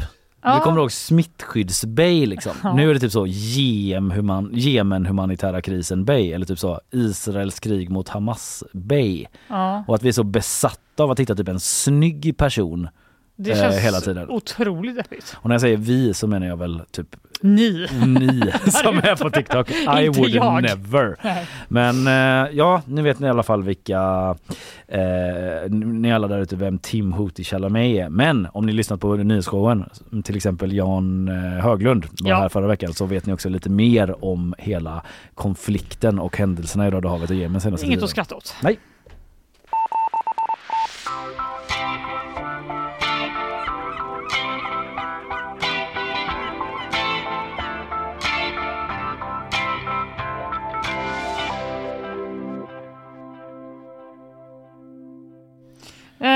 Förra veckan kom det lite kritik mot eh, vår ÖB.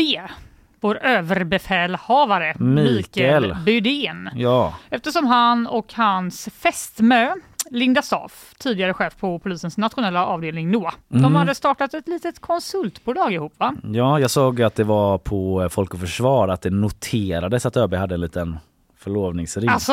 Han kanske inte gick runt bara, och sådär. Hallå grabbar! Men, Don't mind me! men eh, de är förlovade i alla fall. De är förlovade och de eh, verkar inte tro på det här att man ska separera sitt kärleksliv och eh, företagande. Utan Please, de, eh, shit where you eat. Exakt. You do you.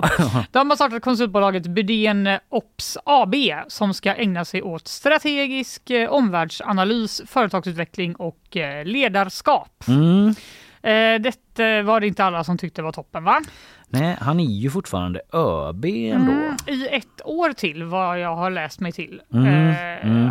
Det är det han har kvar innan han ska då eh, inte ha den posten längre. Hans Och- kontrakt går ut, eller hans anställning går ut. Ja, Mm. exakt. Och då säger eh, Therese Fagerstedt som är presschef i Försvarsmakten till Expressen att han planerar för framtiden och har startat bolaget men inte påbörjat någon verksamhet där. Och han avser inte att göra det förrän hans förordnade går ut i september.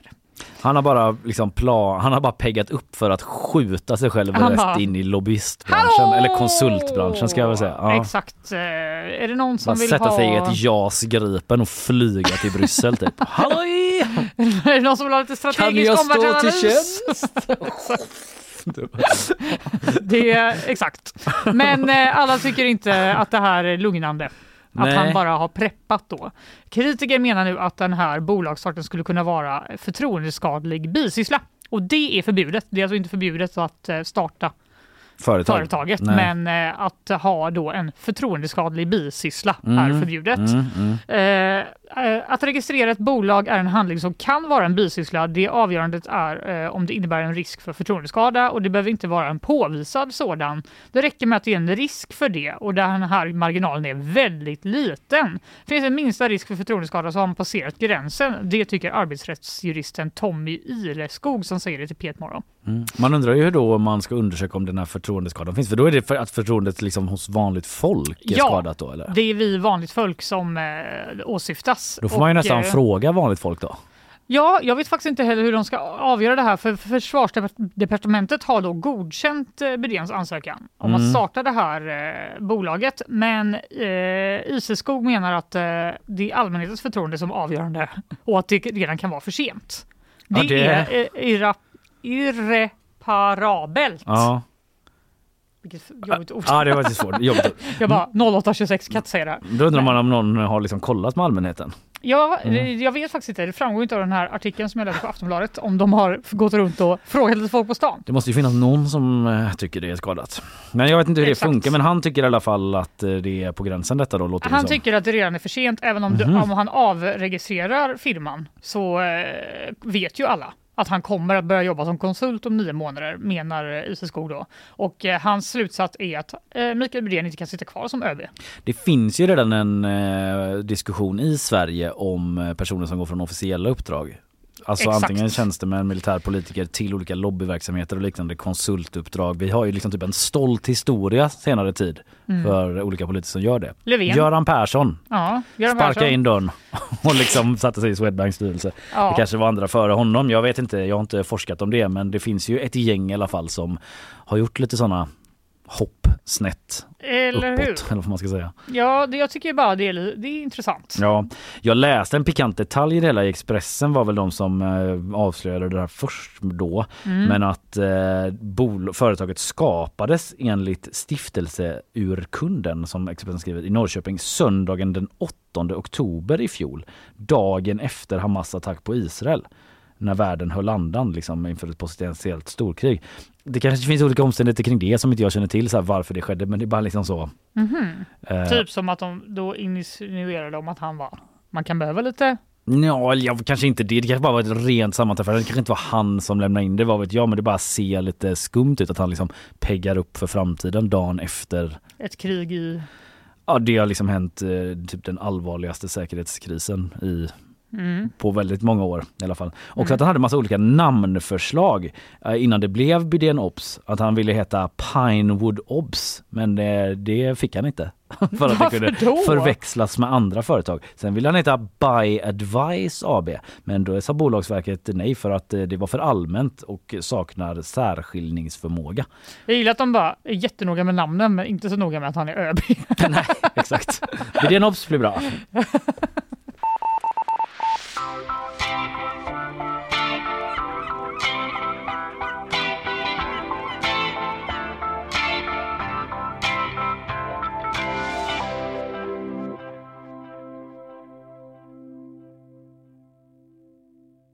Ja du Fanny, man hinner inte med allt men vi tar ju nya tag i morgon igen i nyhetsshowen. Eh, Vi har idag snackat om eh, hackerattacken i helgen, eller hur?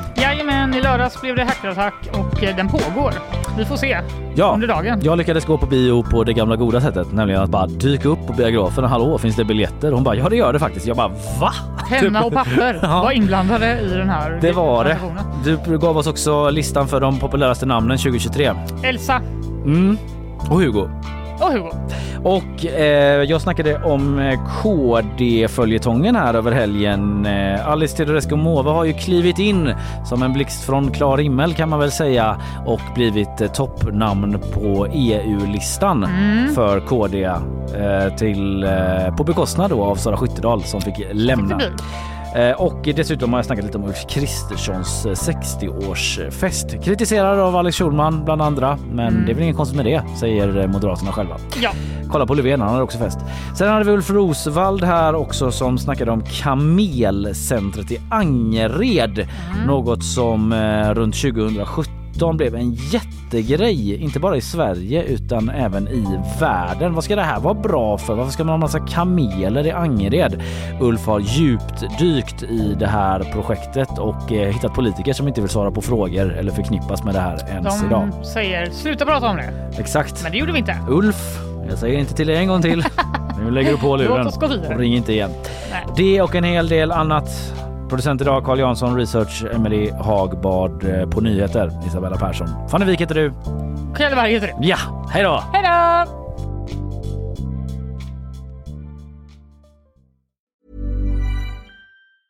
Planning for your next trip?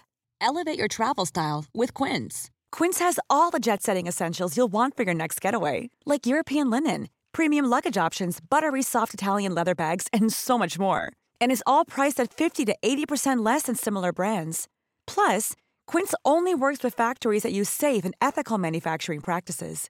Pack your bags with high-quality essentials you'll be wearing for vacations to come with Quince. Go to quince.com slash pack for free shipping and 365-day returns. Imagine the softest sheets you've ever felt. Now imagine them getting even softer over time. That's what you'll feel with Bowl and Branch's organic cotton sheets. In a recent customer survey, 96% replied that Bowl and Branch sheets get softer with every wash. Start getting your best night's sleep in these sheets that get softer and softer for years to come. Try their sheets with a 30-night guarantee. Plus, get 15% off your first order at bowlandbranch.com. Code BUTTERY. Exclusions apply. See site for details.